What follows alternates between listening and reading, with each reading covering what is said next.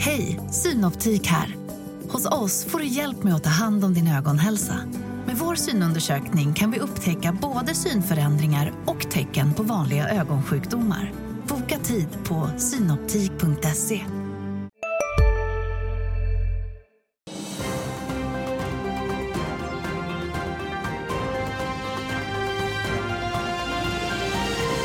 God morgon, varmt välkomna till Börsmorgon. Det är onsdag den 21 juni. Det slutade med nedgångar för alla index i USA igår. Nasdaq backade minst med minus 0,2% Asienbörserna drar åt olika håll under morgonen. Hongkong backade sådär 2% Tokyo steg en halv istället. Och terminen för Stockholmsbörsen pekar på en öppning strax över nollstrecket om en knapp kvart. I dagens program ska vi bland annat prata om nyemissioner, Sagax bland annat. Det är på grund av att man ser attraktiva affärsmöjligheter. Storbanken SEB gör något så ovanligt i sektorn som ett förvärv. Det är av en företagsbetalningstjänst från Lufthansa. SEBs chef för företags och privatkunder berättar mer senare i programmet. Och så blir det småbolagsspecial med tanke på det uppställ vi har i studion idag som består av inga mindre än Kristoffer Anemark från Origo, och Oskar Ekman från Erik Penser. Välkomna! Tack. Tack. Hörni, det smattrade till ordentligt efter stängning igår. Sagax gjorde riktad emission, Humble Group likaså plus ny obligationsfinansiering. Copperstone vill också ta in kapital, EQT säljer av. Vad säger ni om aktiviteten? Mycket transaktioner. Underbart och vi har ju väntat lite på det. Eh, som en slump också på Bloombergs morgonmail i morse så var det just IPO-aktivitet och hur det har börjat komma igång igen. Vi pratade om det i veckan på banken också. Så det här är ett friskhetstecken någonstans och kanske lite risk-on-tecken. Det här är ju återigen en uppgång som många inte riktigt har sett komma och som kanske inte most hated ever som det var eh, tidigare i höstas. Men ändå en ganska illa omtyckt eh, uppgång då det finns så mycket orosmoln överallt. Så lite svårt att kanske greppa den här uppgången. Men nu tycker vi sedan några veckor tillbaka att man ser ett risk-on-beteende. Vi har pratat om småbolagen i USA kontra storbolagen i USA. Där har vi redan börjat se att det har dragit ihop lite grann. Det går bättre för småbolagen generellt just nu. Så att det här är, och det som hände igår då, det är liksom ett kvitto på att det även finns riskaptit i Stockholm. Oskar är pratglad idag. Kristoffer? Ja, verkligen. Nej, men jag tror att det finns en liten kalendereffekt också. Midsommar närmar sig, man vill stänga många affärer innan helgen och eh, det är snart eh, halvår, halvårsbokslut också så jag tror att det är en hel del som händer där. Vi har redan sett några vinstvarningar också så det har varit mycket aktivitet och bolagen sitter ju nu med räkenskaperna och ska få ihop allting till eh, rapportsäsongen som börjar sen i juli där. Så, så det, jag tror att det är lite eh, lite högre tempo nu och sen kommer det bli några lugnare veckor och sen drar vi igång med rapportsäsongen. Vi ska se till att vi har batterier också till din eh, mikrofon Kristoffer. Eh, vi ska se till att den är på alldeles strax och så vi ska också beta av så många rubriker vi hinner innan börsen öppnar. Om vi börjar med fastighetsbolaget Sagax så tog de alltså in drygt 2 miljarder genom en riktad emission till en rabatt på 5% På grund av rådande marknadsläge ser vi attraktiva investeringsmöjligheter, löd motiveringen. Och vi eh, i sektorn i övrigt, sent i fredags så fick ju fastighetskollegan Fastpartner sänkt kreditbetyg av Moody's vilket satte press press på aktien. Så här kommenterar vd Sven-Olof Johansson det hela. Vi har egentligen inga större problem med den här nedgraderingen. Det är skillnad om vi hade legat med hela vår finansiering på bondsidan. Utan nu utgör ju bondsidan en mycket liten del av totala finansieringen. Med det betryggande beskedet med oss då, kan du ge mig lite känsla för dialogen? Hur går det till när man diskuterar med Moody's i det här fallet? Ja, vi presenterar ju hur vi ser på situationen, Eh, Eh, vad vi tycker är affärsmässigt bra för oss att göra. Det är klart att vi skulle kunna göra andra åtgärder. Vi skulle kunna göra en nyemission till exempel för att eh, tillfredsställa eh, en del av de krav som Moody's har. Men det slår ganska lite på, på ICR trots allt. Och att göra en nyemission nu när vi, när vi handlas med en substansrabatt på 60 procent. Jag, jag kan ju säkert försvara min andel av en sån emission men det är väldigt många mindre aktieägare som inte kanske skulle kunna delta i en sån emission. Att då bli utspädda på en nivå som ligger på 60 procent av, av substansvärdet, kan inte, det blir en oerhörd utspädning för de som inte kan vara med i en sån emission. Och vi tycker inte att vi behöver göra det. Eh, du skulle kunna, men det är inte rätt läge när det gäller nyemission alltså? Nej, lika väl som det inte är rätt läge att i den här marknaden sälja fastigheter när eh, priserna är som de är. Sälja fastigheter ska man göra när räntorna är låga och marknaden är glödhet. Då ska man göra det. Nu, och det finns ingen anledning av oss utifrån ett cashflow-perspektiv att göra det heller. Mm. En längre intervju med Sven-Olof Johansson i dagens Börskoll klockan två. Vad har ni för tankar om det här resonemanget?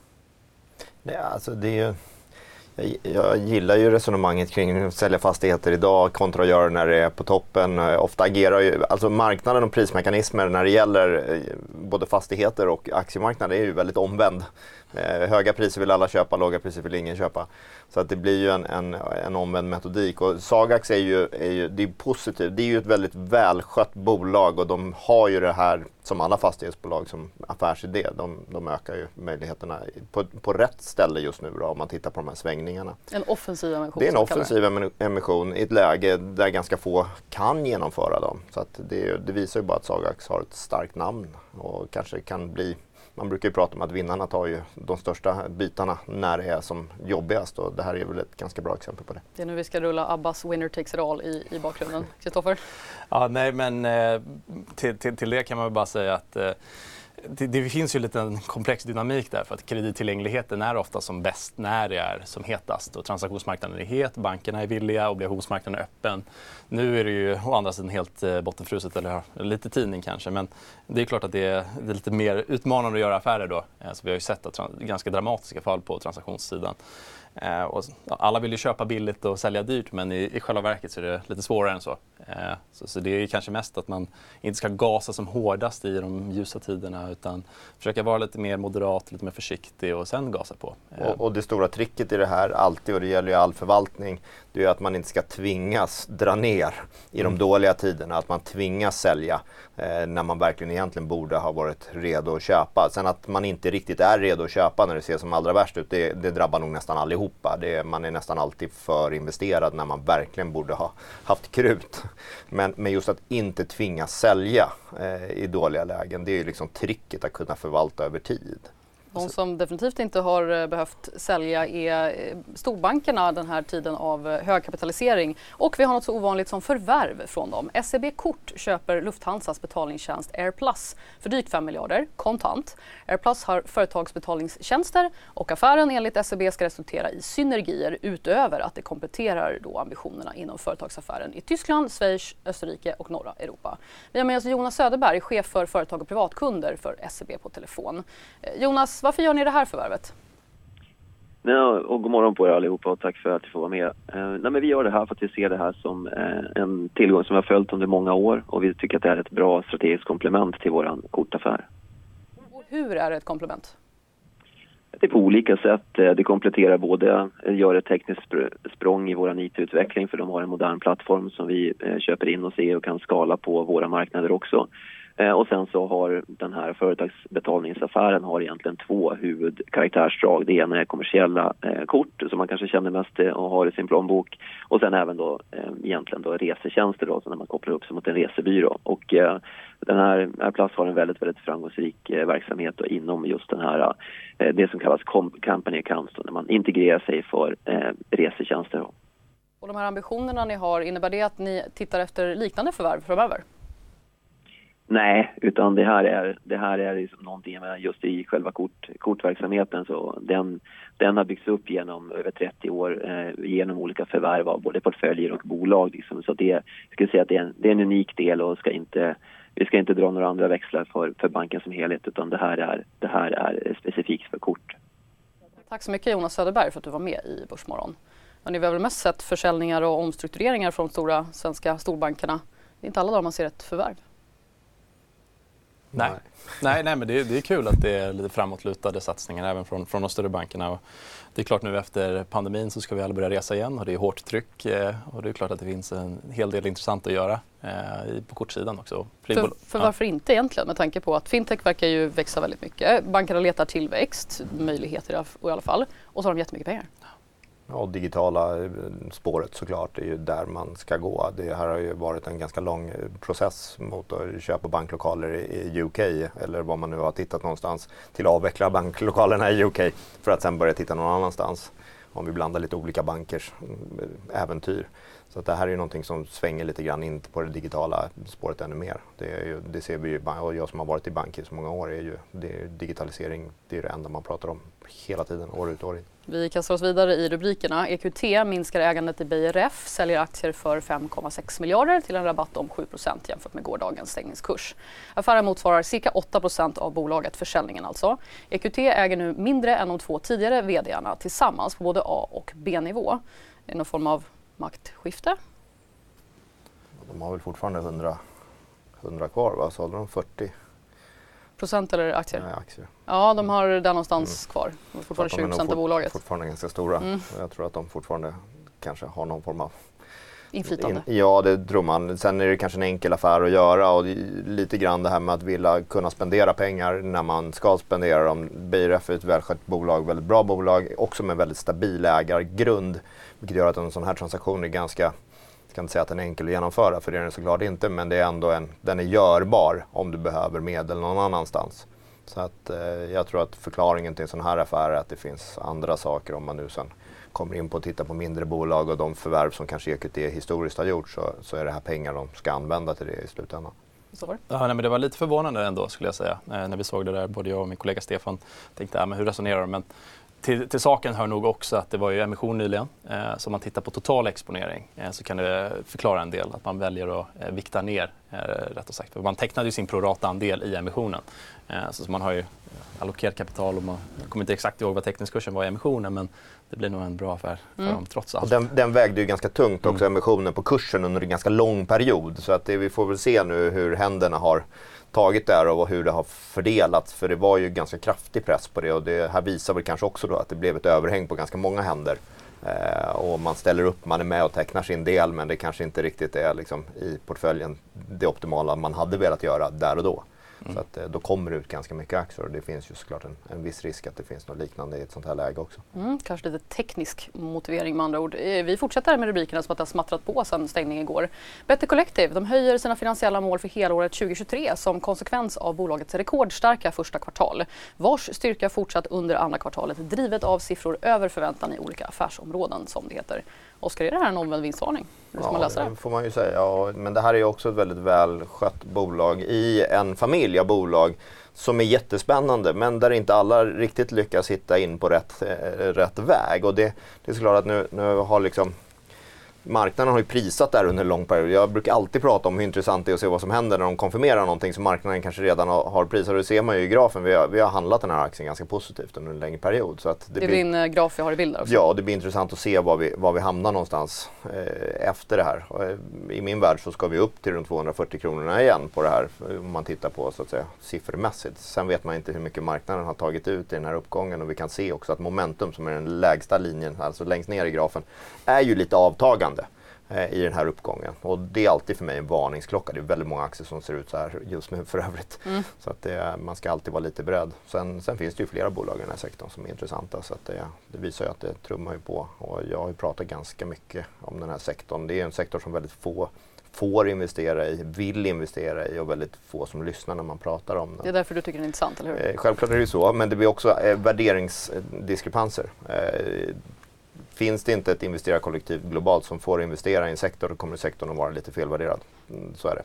Eh, och det brukar ofta sluta med att bolagen blir utköpta, eh, ofta av riskkapital. Kristoffer, får du investera? Eh, ja, men vi försöker oss hålla oss borta från, från, från sektorn och vi tycker att det finns eh, bättre spel i bolag som ändå skapar samhällsnytta långsiktigt. Så, eh, särskilt i mikrobolag nu så, så kan man hitta väldigt mycket spännande till eh, extremt rabatterade priser. Så det finns ingen anledning att gå på alla sektorer utan fokusera på det där vi tror att vi kan göra skillnad. Hörrni, en sektor som är väldigt populär på eh, svenska marknaden i alla fall, det är ju verkstad och vi har eh, sencykliska Assa Abloy får man väl kalla dem, som tar en engångskostnad på drygt 2 miljarder i årets andra kvartal när man gör nedskrivning av goodwill och andra immateriella tillgångar som det heter. Det heter också att det inte är kassaflödespåverkande. Nedskrivningen görs inom divisionen Global Technologies och inom verksamheten Citizens ID.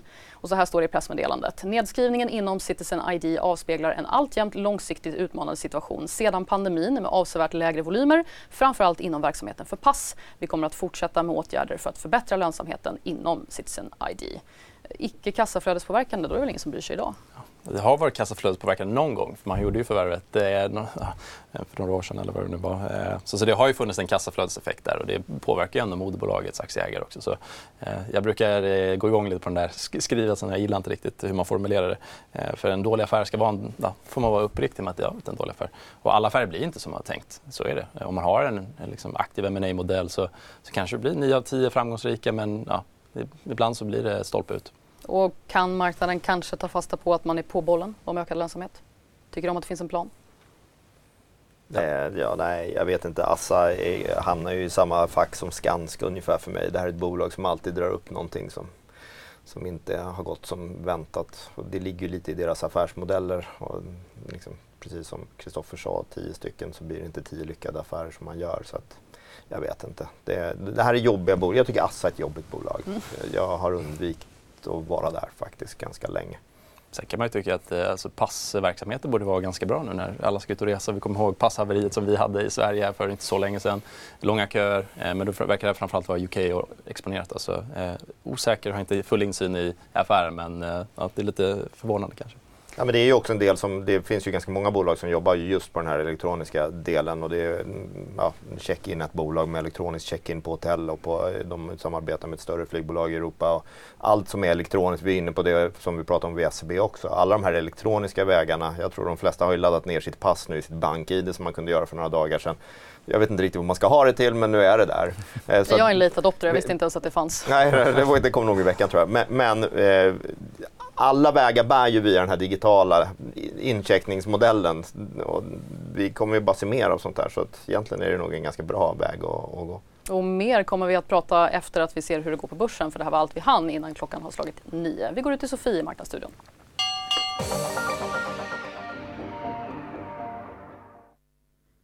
Vecka. Stockholmsbörsen öppnar idag i moll och backar 0,4 procent. Om vi tittar på storbolagsindex så ser vi att vi har Autoliv och Sandvik i toppen medan Telia och Getinge rör sig i botten natten. Och vi har ju haft en hel del nyheter under natten och nu på morgonen så vi ska givetvis se hur aktierna rör sig under dagen. Men vi börjar med SEB som gästade programmet precis. De förvärvar ju Airplus från Lufthansa för 450 miljoner euro vilket motsvarar ungefär 5,3 miljarder kronor. Och precis nu på morgonen så rör de sig lätt bakåt. Vi fortsätter givetvis med EQT som har sålt 40 miljoner aktier i Beijer Ref för en rabatt på 7,2 procent. Det vill säga att BRF backar ungefär lika mycket och EQT de backar 1,2 procent idag. Och de har även sålt industriteknikbolaget Ellab till Novo Holding ska sägas. Så det är mycket nyheter på EQT just idag. Men vi går vidare till kundanskaffningsbolaget Better Collective som vi pratade lite om i programmet. Det presenterar ju nya finansiella mål för 2023 och där omsättning och resultat väntas stiga.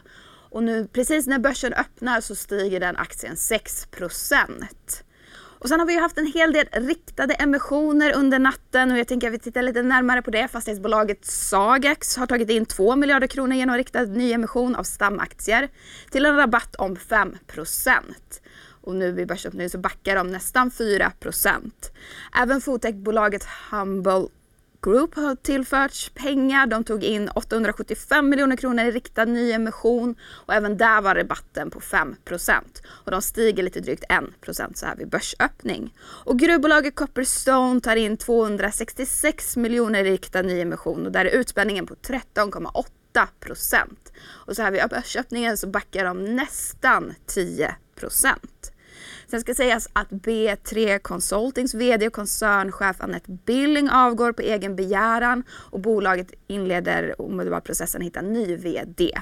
Och vidare på det ämnet så Kindred utser Patrik Patrik Kortman till eh, tillförordnad finanschef. Där har ju VD, finanschef, marknadschef och bolagets kommersiella chef lämnat de senaste månaderna. Och idag så rör sig Kindred lite i sidled. Men om vi blickar lite framåt, i alla fall några timmar, så vid lunchtid idag så väntas förvaltningsrätten meddela dom om omsorgsbolaget Humanas verksamhetstillstånd. IVO drog ju in det i januari men verksamheten har varit igång i fortsättan i väntan på domen. Så vi får se vad som händer idag men så här några timmar inför domen så stiger den aktien 3% Men som sagt, Stockholmsbörsen i stort är inte fullt så munter utan backar en halv procent. Mm, det finns mycket att ja. prata om. Därför ni hör att grabbarna här står och viskar lite under tiden som Sofie berättar vad som händer där ute. Ska vi ta fasta på Sagax minus 3? Det är ju mindre rabatten i alla fall. Ja, precis. Jag tror att det är helt rätt att göra nu. Satsa offensivt som vi var inne på tidigare. Få kapital när andra eh, måste vara mer defensiva. Eh, vi var med i Catenas emission i höstas eh, och det är lite på samma tema. Ehm, men, eh, men Sagax har ju också, även om de har lång räntebindning så kommer det förfalla någon gång också och de har ju mycket euroobligationer och annat. Så. Men jag, jag, tror ändå att det är liksom helt rätt att göra. Man köper ju eh, högavkastande fastigheter med, med bra yielder så eh, det blir ja, de är nästan fullt uthyrda också. Så, så det, det, blir en compounding maskin som bara fortsätter. Det här resan mot nordöst som, som man ser i varje graf när man tittar på förvaltningsresultat och kassaflöde. Och andra som sticker ut då, ursäkta, Better Collective, Oskar, upp 6-7? Ja, kul. kul. Rimligt. Den hade ju kommit ner lite innan också så att det är väl tillbaka ungefär vid 230 kronor strecket skulle jag gissa. 227,50 till och med. Ja. Och BRF då minus 7, drygt 7 som ju är ungefär som rabatten. Ja. rimligt? Och släckte ju lite förhoppningar om att EQT skulle plocka ut hela bolaget som det har pratats om också. Så att man får ju, det, blir ju, det blir ju lite trist ja, i BRF en stund nu tror jag. Mm. Tyvärr. Och Humble Group är ner lite grann, minus 1 procent, ingen jätteskillnad där som att de då också tar in pengar. 875 miljoner blev det genom en riktad emission med rabatt på 5 procent. Man dyker även ut kreditfaciliteterna med 300 miljoner till drygt 1,6 miljarder. Och för det, är ju, det där är ju ett, ett förvärvsdrivet bolag inom eh, inom eh, food eh, tech. tech. kan man säga.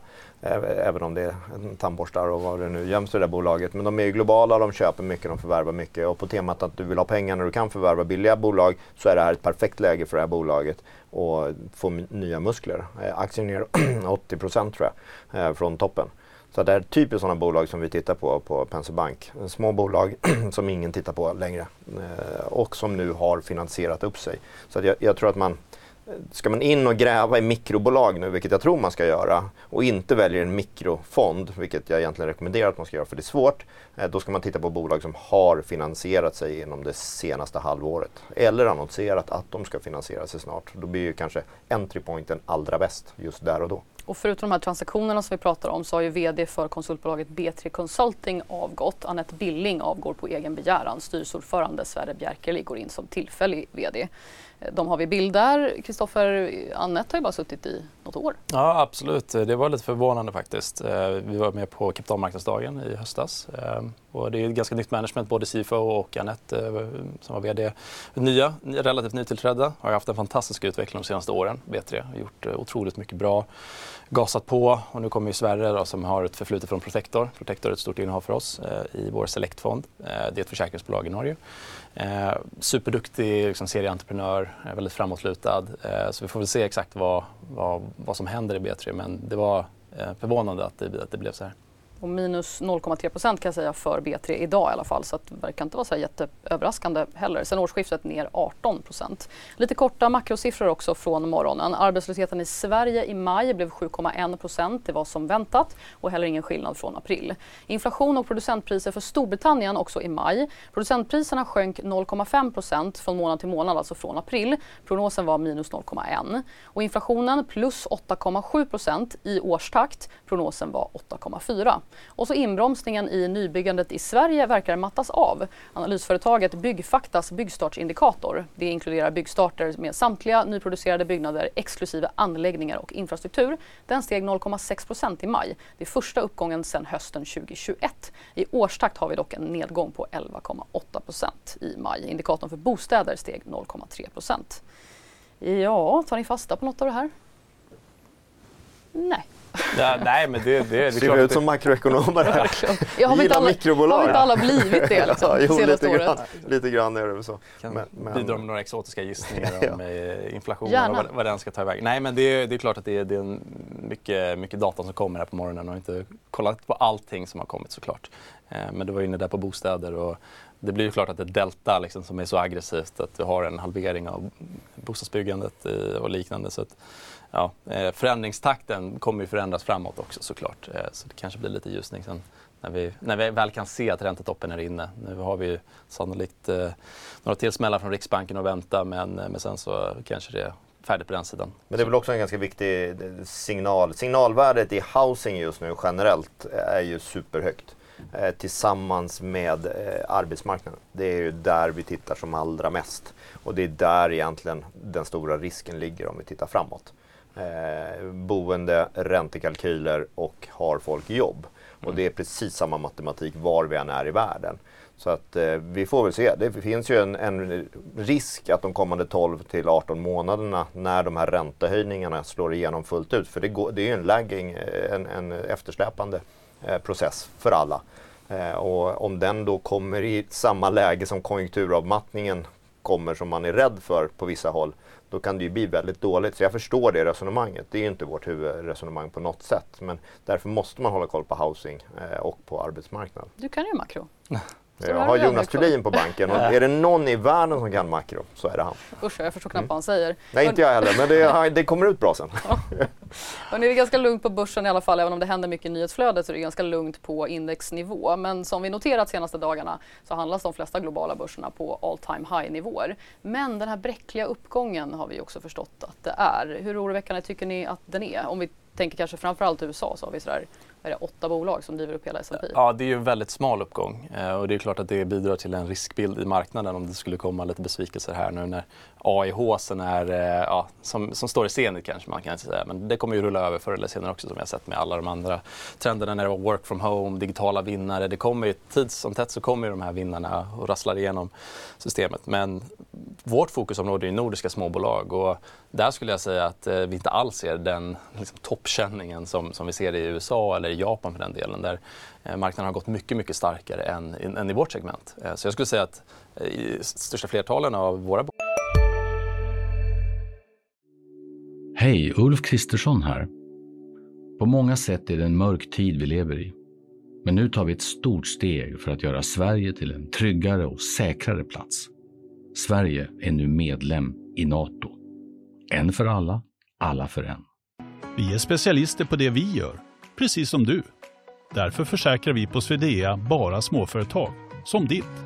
För oss är små företag alltid större än stora och vår företagsförsäkring anpassar sig helt efter firmans förutsättningar.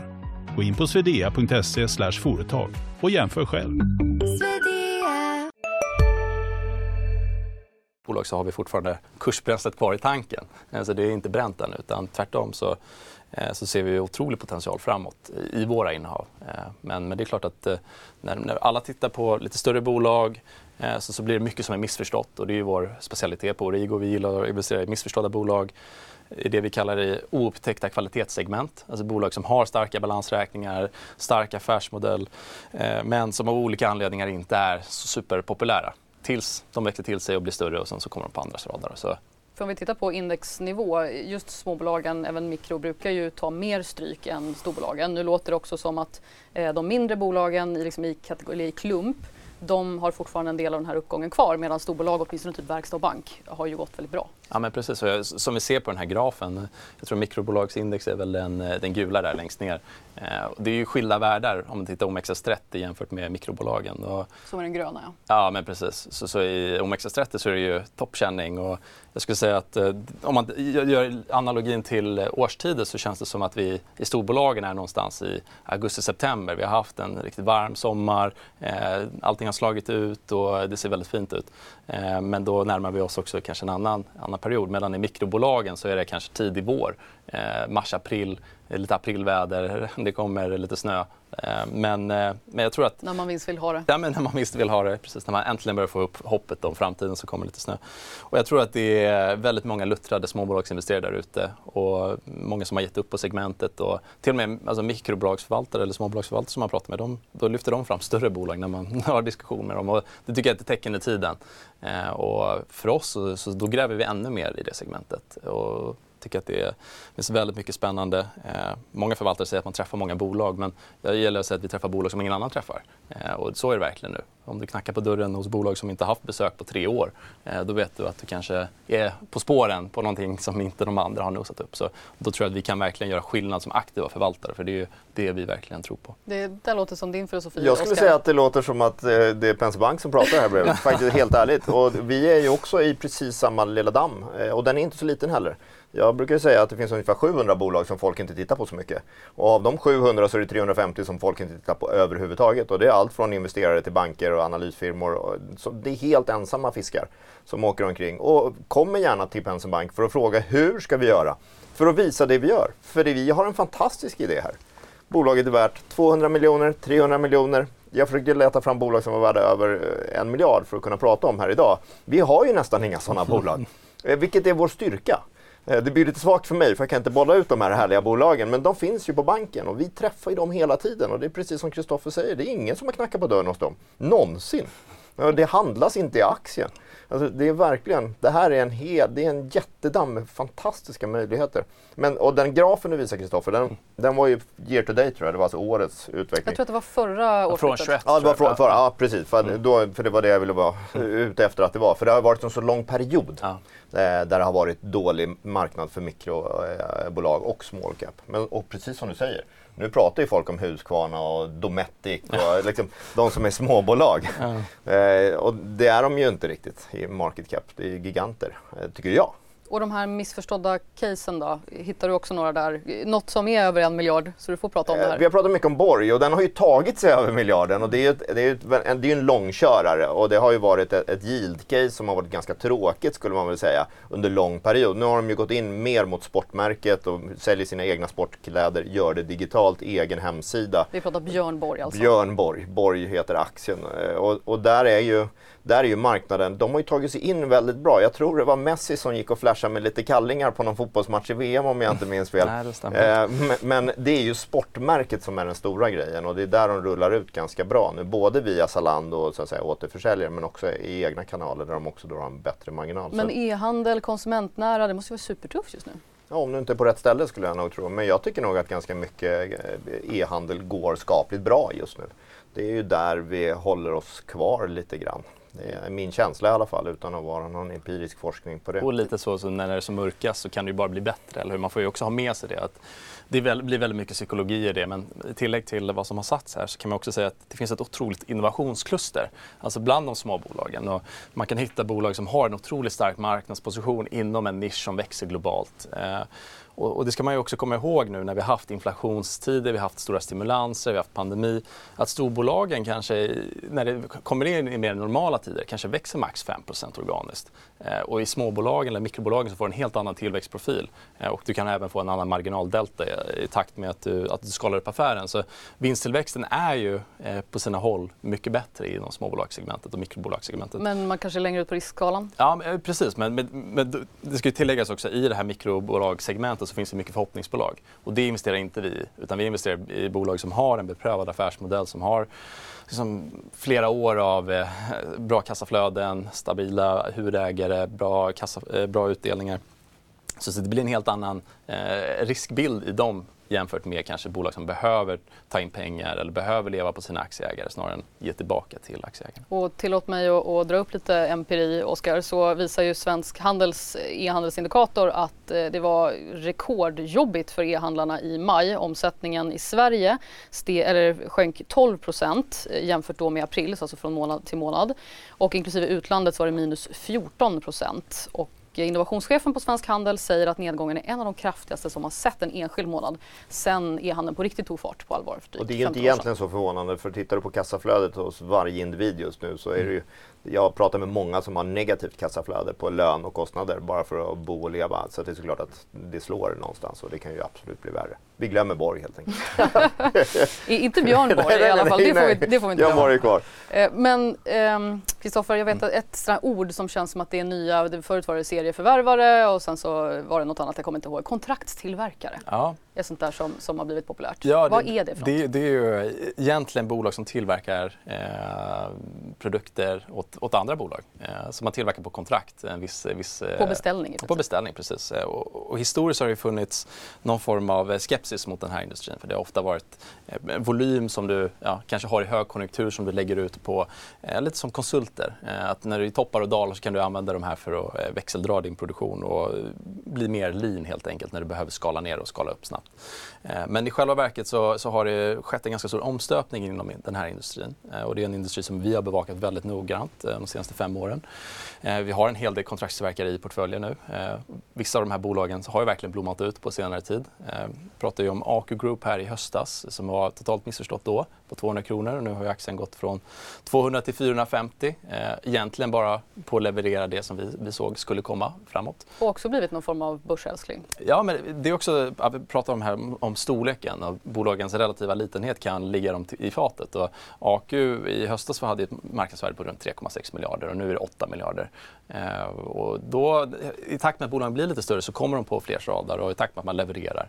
Eh, och här har man ett superbra management, eh, en entreprenörskultur som sträcker sig tillbaka till bolaget grundades 94. Klas och Peo som grundade det här har ju verkligen eh, haft kostnadsfokus. Man har levererat vinst varje kvartal sedan starten. Eh, och snitt så har man taktat över 15% vinsttillväxt per år de senaste tio åren. Eh, det är en otrolig bedrift inom ändå en svår industri där, där vi pratar om att volymen kan vara flyktig. Men nu är det mer att de här kontraktstillverkarna är mer produktionspartner. Man är mer integrerad i, i, i de större bolagen. Så man får ju en, till en OMXS30-exponering men till väsentligt lägre värdering. skulle jag säga. Är det bara AQ vi nej, har hemma? Nej, Hansa är också ett sånt där eh, ny favorit skulle jag säga. Vi var med i deras emission i, i höstas och det är ett bolag som verkligen har blommat ut. Där har vi Erik Stenfors som är VD och grundare.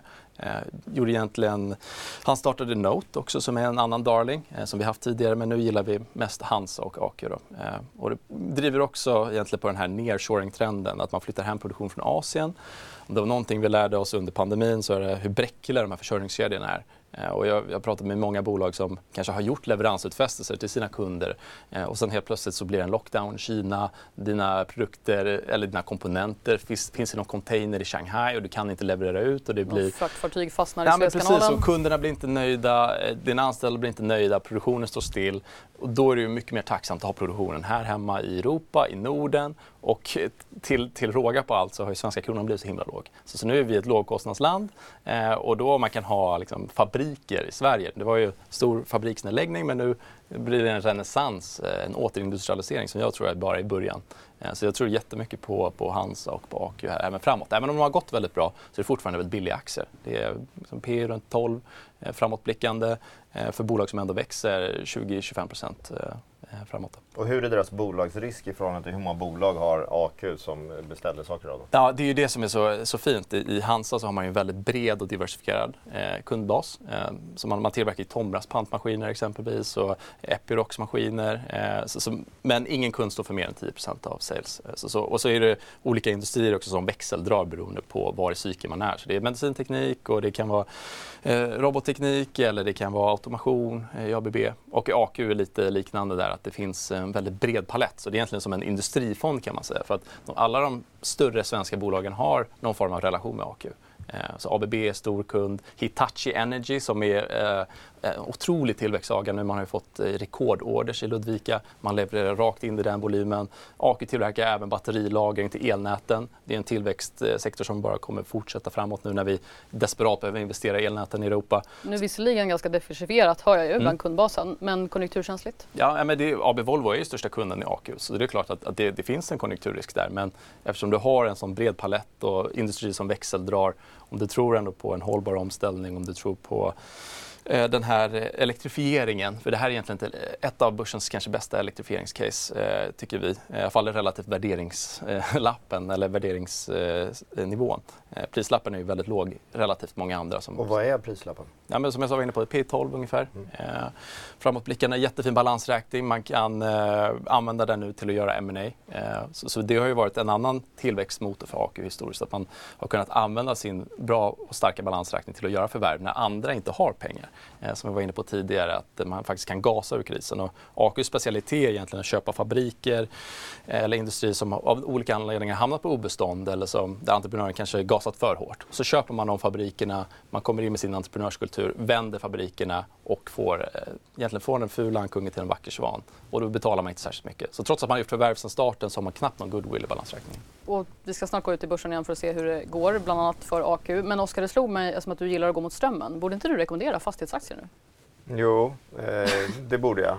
Jag, tycker inte de, jag tittar ju oerhört mycket på teknisk analys och jag tycker inte fastighetssektorn ser riktigt färdig ut på nedsidan. Eh, däremot så har jag väl börjat smygköpa lite grann, absolut. Men jag tror att vi kommer få en lägre botten eh, i många bolag som jag tittar på än vad vi har just nu. Mm -hmm. det, det, är pressat och precis som du säger, man borde nog börja titta men det rör sig inte, det studsar för dåligt. Det är, ingen, liksom, det är inget tryck i uppgångsdagarna och det är mer tryck i nedgångsdagarna. Mm, vi får se om det är något tryck i den allmänna handeln som att vi går ut i Sofia igen i marknadsstudion och ser hur det går för börsen. Det ser lite dystert ut här. Stockholmsbörsen backar en halv procent ungefär. Lite bättre ser det ut på storbolagsindex och där ser vi att vi har Autoliv och Volvo i toppen. I botten däremot så har vi bland annat Evolution och SBB. Och SBB backar 4% idag. Nordea har ju i en färsk analys sänkt riktkursen från 7 kronor per aktie till 4 och upprepar säljrekommendation. Och det ser ju som ni var inne på i studien lite tungt ut för fastighetssektorn. Även idag så är det flera av bolagen som backar. Och dagens stora rörelse däremot, det står Humana för som periodvis är uppe tvåsiffrigt. Nu är de uppe där 10 procent inför domen som kommer vid lunchtid idag. Och om vi går vidare så EQT har ju sålt 40 miljoner aktier i Beijer Ref till en rabatt om 7,2 procent. EQT backar idag 2 procent och BRF backar ungefär lika mycket som rabatten var på. Och kundanskaffningsbolaget Better Collective däremot, de stiger 3 procent efter att ha presenterat nya finansiella mål för 2023 där omsättning och resultat väntas stiga. Och sen tänker jag att vi återgår till nattens riktade nyemissioner. Sagax back vecka lite drygt 3% efter att ha tagit in 2 miljarder kronor genom riktad nyemission till en rabatt om 5% Även Humble Group hade en rabatt om 5% i sin ny, riktade nyemission där de tog in 875 miljoner men de rör sig i sidled. Och gruvbolaget Copperstone tar in 266 miljoner i riktad nyemission och de backar 5% trots att utspänningen var på 13,8 och så avrundar vi lite med riktkurser. Husqvarna stiger 4% efter att ha fått höjd rekommendation av både DNB och Danske Bank. Det Danske Bank sätter köp. Skistar däremot har fått sänkt riktkurs av DNB och den aktien backar 1% idag. Men Stockholmsbörsen i stort är som sagt lite dyster idag och backar lite drygt en halv procent. Mm, tack så mycket för det Sofie. Dystert lite överlag och, och inte minst då för vissa bolag kanske som ehm, ja, Sagax, även om, om ni säger att det här är en ganska bra emission och även Beijer F. Men det verkar ju vara väldigt osäkert där ute. När vi också ändå är här i Börsrådet så brukar vi göra en uppföljning av rekommendationerna som gästerna då sa i förra programmet. Och Kristoffer, senast du var här, det var ju DIs aktietävling Drömportföljen i full gång. Eh, vi har en bild på vilka du rekommenderade då. Det här är alltså från september. Slutet av september sa du AQ Group. Vi har hört varför du tycker om den. Diös, Biogaia, Core och Bahnhof. Mm. Vad har hänt sedan dess? Ja, det har hänt en hel del. Vi har varit inne lite på fastighetstemat och föga förvånande så har inte Diös gått särskilt bra. Eh, trots att man är verksam i en väldigt bra region. En, norra Sverige växer som tåget, verkligen. Eh, det kommer mer och mer industrisatsningar för varje dag som går. Eh, får vi se exakt hur många av de industrisatsningar som faktiskt blir verklighet. Eh, men det är ett bolag som kanske sovit lite på, på, på räntesidan. Man har haft väldigt kort räntebindning så det, den här eh, räntechocken som vi har haft har rullat igenom siffrorna eh, ja, ganska snabbt relativt många andra. Sagax har varit väldigt duktiga på att göra tvärtom och ha lite längre räntebindning. Så det, det har inte synts i siffrorna ännu. Men Diös har ett väldigt starkt kassaflöde som har ändå kunnat klara det här och har ändå bra ICR trots de här höga eh, räntorna. Då. Eh, och så, så, har man också en projektaffär som, som man nu börjar skörda eh, av. Eh, men långsiktigt så tror vi ändå att Diös har en helt rätt position i marknaden. Man är ledande i sina tio norrländska städer som, som de brukar gilla att säga. Och VD Knut Ross där har ju en tydlig strategi för vad man vill göra med det här bolaget. Så aktien har inte, gått, eh, har inte gjort någon glad här på, på senare tid men, men jag tror ändå att eh, om man vill ha någonting i fastighets-Sverige så, så bör man titta på bolag eh, som har rätt slutkundsexponering och framförallt läge. Eh, för man brukar prata om fastighet, det är just läge, läge, läge som är det viktigaste. Och här har du eh, egentligen kanske där, i de regionerna där det växer allra snabbast. Och, men, men, grafen visar ju också hur, hur intressant den här sektorn är. Om man slits mellan hopp och förtvivlan hela tiden. Kolla på rörelserna, det är enorma upp och nedgångar. Och så här ser alla fastighetsbolag ut.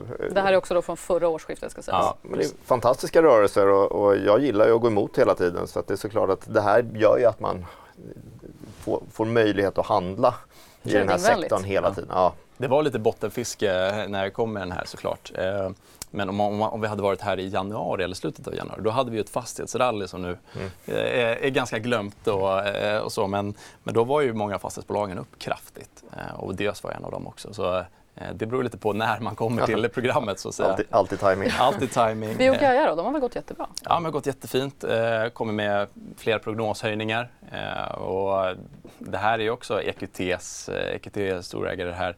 Eh, jättestark balansräkning, en av börsens starkaste balansräkningar relativt till sin storlek. Eh, över en och en halv miljard i kassan. Eh, hela tiden så har vi väntat på när kommer förvärvet eh, men det har dragit ut på tiden, man är väldigt noggranna. Och det som är lite, lite tråkigt i det här nu är att VD Isabelle ska, ska sluta. Hon ska bli eh, VD på Orkla istället, en, en division där. Hon var väldigt uppskattad i våra rapportmånader. Ja men precis, eh, superduktig eh, och gjort mycket bra under, under, under sin tid. Egentligen stöpt om det till att vara istället för att bara vara en BTB-affär till att bli en BTC-affär och har gjort en varumärkesresa också med Biogaia. Och det är de här dropparna för, för, för spädbarn, eh, spädbarnskolik. Och har man små barn hemma, som jag har, eh, så, så, vet man att de där dropparna kan göra underverk. Eh, verkligen. Då är man väldigt tacksam. Man, man är väldigt tacksam och betalningsviljan är väldigt eh, stor när, mitt i natten där. Så, eh, det är en bra affärsmodell eh, och man kommer nog kunna förädla den här affären ännu mer framåt. Och Bahnhof och K då? Ja, och Bahnhof är ju också en sån här intressant, det är ett mikrobolag som ändå har levererat till skillnad från många andra mikrobolag.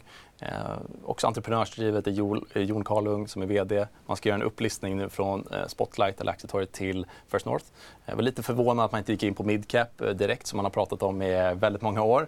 Men man valde att gå på First North istället för att det var citatet lite billigare. Mm. Eh, så får vi se om, om, om, om det var så. Eh, men ja, e-, egentligen fortsatt på den inslagna vägen med bra kundintag, extremt starkt kassaflöde. Man har ju förskottsbetalningar, stor nettokassa på en halv miljard. Eh, väldigt välskött bolag eh, skulle jag säga, som har ut, outperformat många i, i branschen. Hade du gett de här samma råd idag med andra ord? Eh, nej, men det skulle jag nog inte göra. AQ är fortfarande en favorit eh, skulle jag säga och Diös och Core. Eh, Core har ju verkligen kommit ner här på senare tid och den tycker jag ser intressant ut nu. Mer intressant nu än på väldigt, väldigt länge. Man tappade kontrakt med Ericsson. Man förlorar volym på ungefär en halv miljard samtidigt som man gjort förvärv i Sverige som väger upp det där. Eh, men aktien har ju handlat väldigt, väldigt svagt. Eh, så, så nu är det all time low-värdering om man tittar på hur, hur vinsten har värderats historiskt. Och utdelningen börjar närma sig 10% nu i, i direktavkastning. Så, eh, har man tålamod i det här och kan leva med att det kanske blir några tuffa kvartal när Ericsson-kontraktet, när det kommer rulla igenom siffrorna, eh, så, så, tror jag att, eh, att, det är ett väldigt intressant bolag. Och jag tror också Private Equity tittar på det här nu för att det är så lågt värderat, så kassaflödesgenererande och har en så intressant position. Men det är fastighetsservice och fastighetsbolagen är ju pressade Eh, och man försöker väl dra in på överallt där man kan nu. Men städning behöver ju göras eh, och eh, även catering och eh, de kringtjänsterna. Oskar, nu har du fått många pitchar här. Ja, tankar. vad härligt. Har du något, något att säga emot eller säga Nu längtar man ju tillbaka till att ringa ut på det här. Såg du dagens program? ja.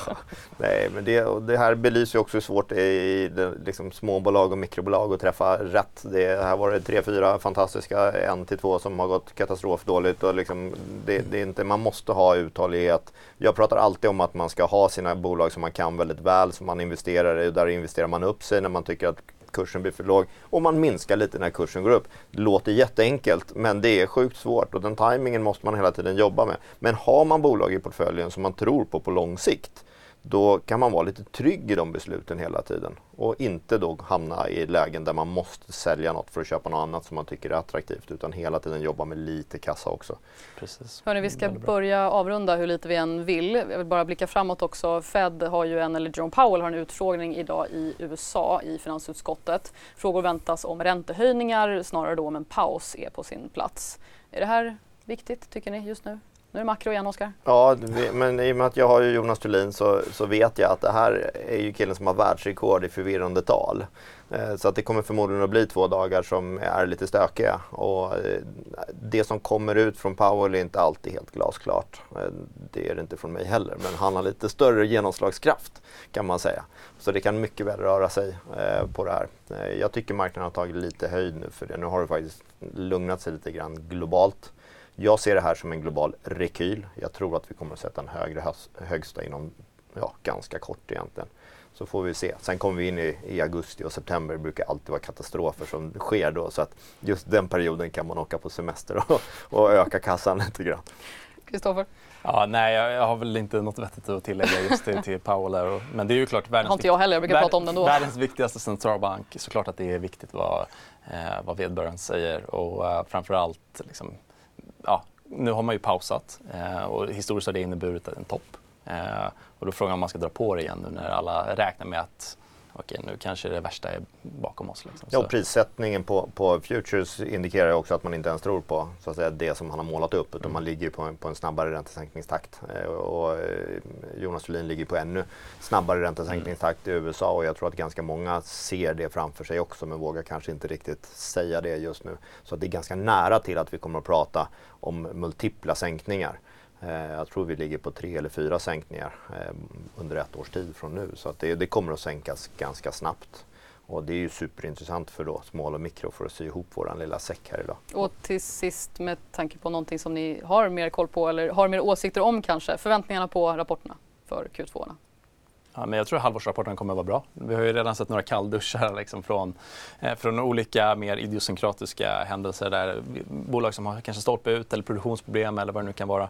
Eh, investeringsviljan har ju generellt sett, om man pratar med bolagen, så många bolag i USA framförallt vill ju undvika de här stora capex-pucklarna. Eh, man vill gärna skjuta upp det om, om det är möjligt och kanske ta mer eh, lite mer SAS-affärer så att man smetar ut det istället. Så jag tror att det, det, det, kan bli stökigt på sina håll men jag tror att industrin kommer fortsätta som tåget. Vi ser AB Volvo som vi var inne på lite tidigare, det är ju rekordfulla orderböcker, det kommer fortsätta eh, och det kommer i sin tur spridas ner till lite mindre verkstad också. Så capital goods är ju fortfarande en väldigt bra sektor relativt mycket annat och hälsovård har ju varit lite mer blandat. Höga förväntningar sammanfattar jag det som, Oskar?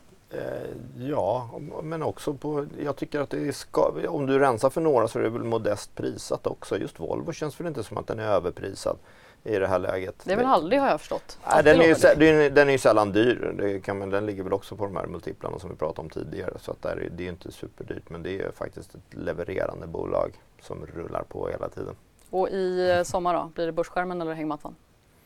Att det blir börsskärmen. Jag har ju varit föräldraledig ett tag nu så jag är väldigt mm. energifylld och ser fram emot sommarbörsen medan alla andra verkar vilja checka ut. Eh, så jag är väldigt taggad på sommarbörsen. Nu, nu har du press Oskar. Ja, nej, jag har 15 länder att besöka med mina ungdomscyklister så att det, det börjar med Polen nästa vecka faktiskt. Sen är det 14 andra länder kvar. Då. Tur att ha telefonen med dig då. Ja, fast, varken ja, hängmattan eller börsskärmen? Nej, jag brukar stänga av telefonen rätt rejält när jag är där. Så att det, då vill jag fokusera på tävlingarna och möta världens bästa cyklister. Det är fantastiskt. Det låter sunt. Önskar en trevlig sommar också. Ja, Tack så mycket Kristoffer och Oskar för att ni var här idag. Tack, kul.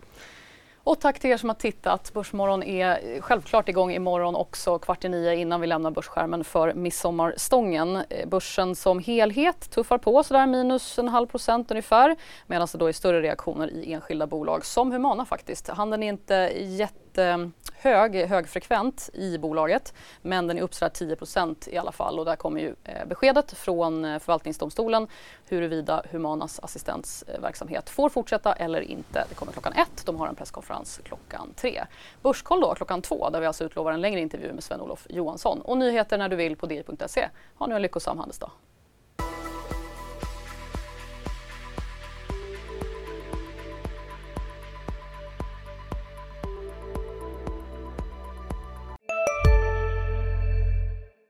Hej, Susanne Axel här. När du gör som jag och listar dig på en av Krys vårdcentraler får du en fast läkarkontakt som kan din sjukdomshistoria. Du får träffa erfarna specialister, tillgång till lättakuten och så kan du chatta med vårdpersonalen. Så gör ditt viktigaste val idag, lista dig hos Kry. Ni är med om det största och det största är den minsta. Ni minns de första ögonblicken och den där blicken gör er starkare. Så starka att ni är ömtåliga. Men hittar trygghet i Sveriges populäraste barnförsäkring. Trygg Hansa. Trygghet för livet.